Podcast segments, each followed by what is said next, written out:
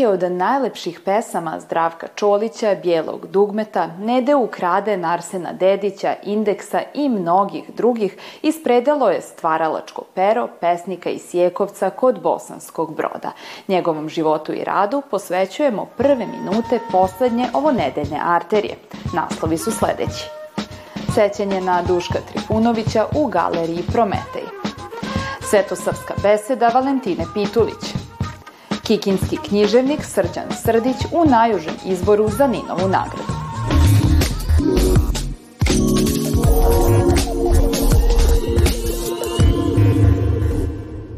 11. predavanje arheologija Atlantide Muharema Bazdulja u Kulturnom centru Novog Sada bilo je posvećeno Dušku Trifunoviću, a povodom 18. godišnjice od smrti čuvenog pesnika u galeriji izdavačke kuće Prometej održan je program pod nazivom Sećanje na Duška. Tim povodom gosta današnje arterije je urednik izdavačke kuće Prometej Zoran Kolundžija. Dobrodošli u arteriju. Drago mi da smo zajedno. Kao izdavač koji je dugi niz godina objavljivao Trifunovićeva dela, kakva je bila vaša saradnja sa čuvenim pesnikom? To se nekako sve pretapalo, tako da se ne može u našem slučaju razdajati. Možda će ovaj, dobro doći ovde da se kaže njegova dosetka, da nas je često predstavljao da mi smo ratni profiteri, jer da nije bilo rata, mi se ne bi upoznali i isprijateljili. Na tom fonu je ovaj, sve teklo i recimo kad mu se dogodilo pravimo njegova dela, ovaj, to ovako ga se kaže, 15 knjiga, oskudica, nema hartije, nema novca, nema benzina, petakalo se iz onih flaša.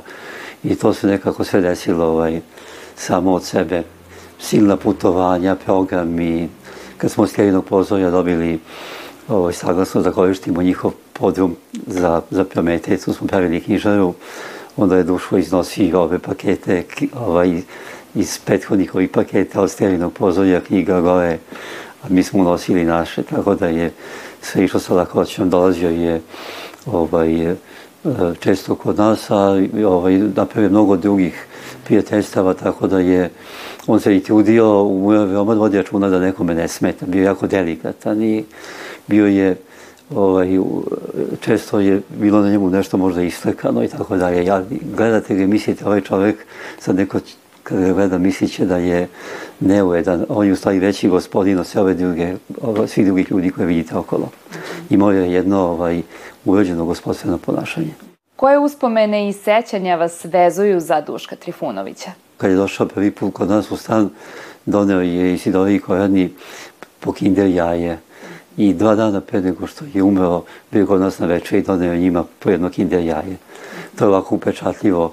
Ali ova, razni ovi događaji sa njim, jedan od najmarkantnijih je, bili smo u Vranju u jednom predivnom prostoru, ali on je bio toliko uspešan u nastupu da je ovaj, dobio ovacije, a to, to je nekako skučeno, pa ne može tako lako da se izađe.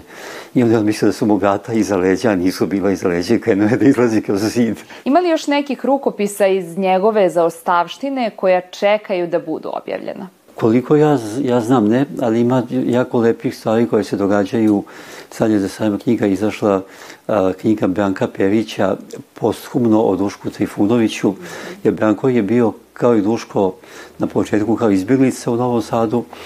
On je valjda sad još uvek, mislim da radi ovaj, kao sudija u Sarajevu, ali je sakupio preko interneta i od prijatelja sve što je moglo, pa je pronašao po nešto i Duško, što je Duško nekada izgovorio za neke novine, a drugima je to promaklo. Tako da mislim da, će, da se teško može naći da nešto nije publikovano, ali eto, velike doprinos dao Bogica Bogomir Mijatović koji je napravio izbor Duškovih misli, pa je na taj način nastalo novo, novo Duško, Duškovo delo i mislim da je rekao da je pronašao još nekoliko ovaj, uklazbljenih Duškovih uh, stihova za koje, se nije, za koje pre nije znao, tako da je sad onda vjerojatno broj od 300 i nešto se povećao. Hvala vam na razgovoru. Hvala i vama što pomažete da negujemo sećanje na ovog divnog čoveka.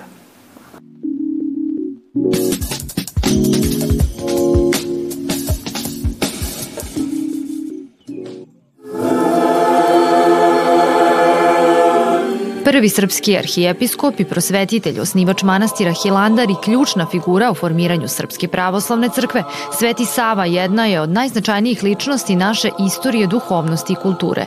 Njegov dan, 27. januar, obeležava se kao školska slava, a brojne institucije posvećuju mu pažnju svojim programima. Tako je u sali Matice Srpske priređena tradicionalna svetosavska beseda pod nazivom Onda Sava stade pred mene, koju je ove godine održala Valentina Pitulić.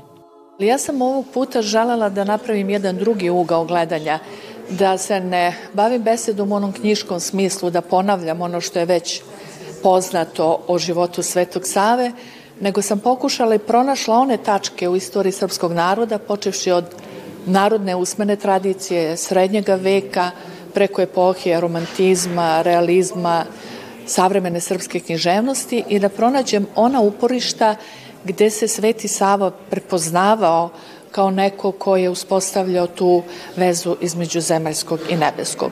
Ovog puta sam napravila jedno epsko-lirsko putovanje kroz vreme, epsko-lirsko putovanje kroz istoriju, gde je Sveti Sava svojom nevidljivom rukom i onda kada je bilo najteže, na nekan čudesan i imaginaran način izvlačio srpski narod, pojedinca iz kolektiv i ta, iz tame beznađa i istorijskog trenutka koji nimalo nije bio blagonaklon ni prema Srbima u centralnoj Srbiji, ni u Vojvodini, ni u Lici, Krajini, Crnoj Gori, Bosni i Hercegovini, a posebno na Kosovu i Metohiji.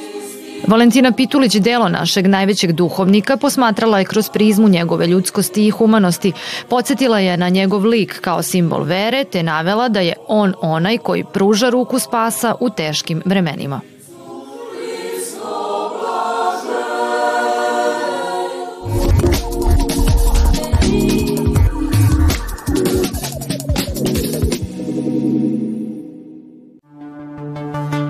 Tri polazišne tačke odredili su roman Autosekcija, objašnjava Srđan Srdić, prisećajući se prvobitne ideje o novom romanu Planu strukturi. Iako na prvu loptu neplanirano, pred čiteocima se na sreću našao roman Autosekcija. Druga činjenica je da su knjižare preplavljene takozvanim autofikcionalnim knjigama.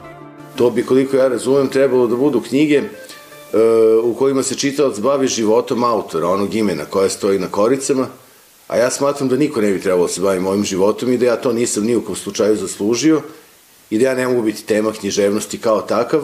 To me je iritiralo i rešio sam da dekonstruišem, da pokušam da demoliram taj model razmišljanja trendovski u književnosti. Novi roman Srđana Srdića svakako je i svojevrsna posveta prijatelju, velikom književniku Davidu Albahariju. Sve vreme sam imao osjećaj da se on i ja nismo ni pozdravili, iako smo se proleto svideli u njegovom stanu, da se nismo pozdravili na, na života dostojan način, rekao bih, mada to nikad ne možete da uradite. I učinilo mi se da bi njega zabavilo to da ja na bazi anegdota, stvari koje su se isključivo nama dvojici dešavale na različitim putovanjima, u toku različitih razgovora, stvorim fikcionalnog junaka na bazi onog što se zaista dešavalo i da bi on bio veoma uh, zadovoljan kao ultra duhovit čovek, što mnogi ne znaju. Pet do sada objavljenih romana Srđana Srdića našlo se u konkurenciji za Ninovu nagradu. Ovo je drugi roman koji je ušao u najuži izbor za prestižno priznanje. Prolazak u finale je sasvim jedna druga stvar koja ima svoje, ima svoje maligna svojstva, da se ne lažemo, ali e, ima i je li tu e, mogućnost da vašu knjigu dostavi informaciju o njoj ogromnom broju ljudi koji će se kasnije opredeliti da li se oni slažu sa odlukom tog nekog žirija koji tamo radi ili se ne slažu. Žiri 70. Ninove nagrade saopštiće svoju konačnu odluku 29. januara, a čitalačka publika će, otkrivajući i uživajući u drugačijem čitanju Srđana Srdića, imati priliku da da svoj sud.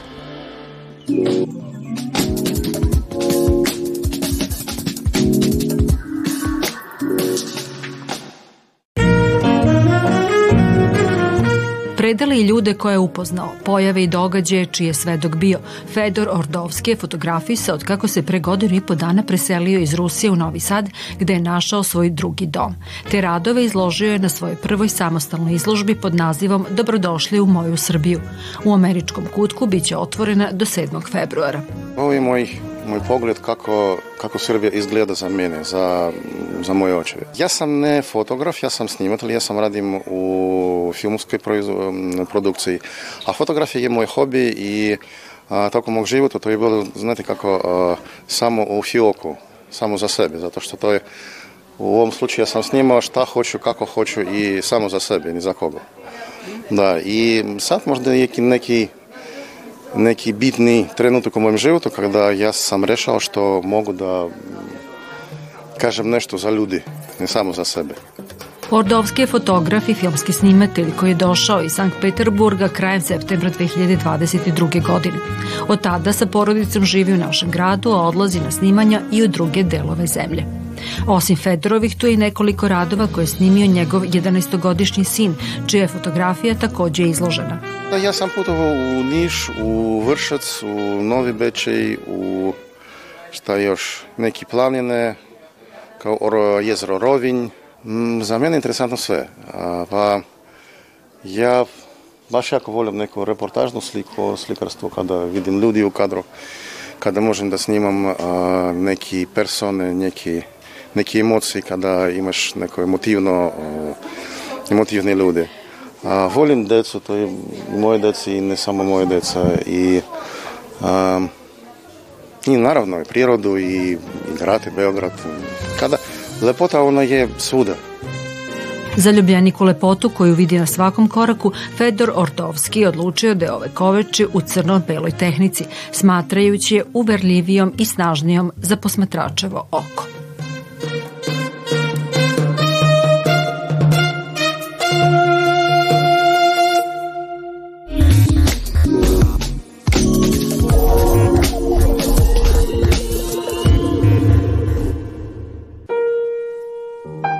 Posle kraće i teške bolesti u Beogradu je u 63. godini preminuo pisac i akademik Goran Petrović, član Srpskog književnog društva i Srpskog pen centra.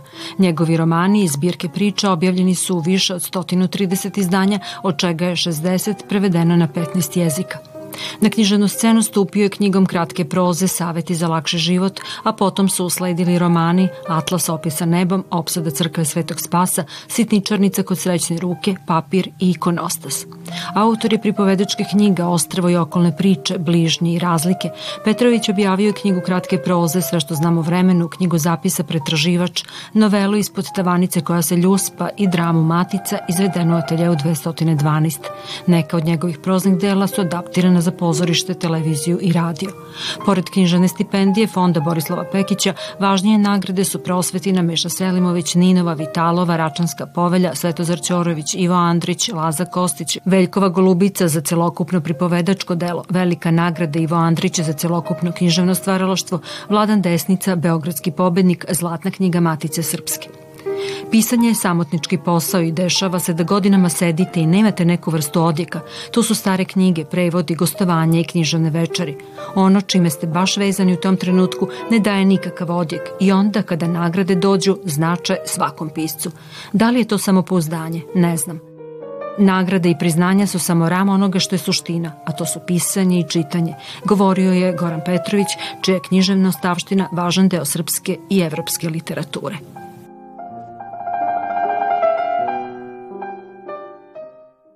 Sutra se uručenjem festivalskih nagrada na Mokroj gori zatvara 17. Kustendorf. U iščekivanju pobednika, lep pozdrav do ponedeljka.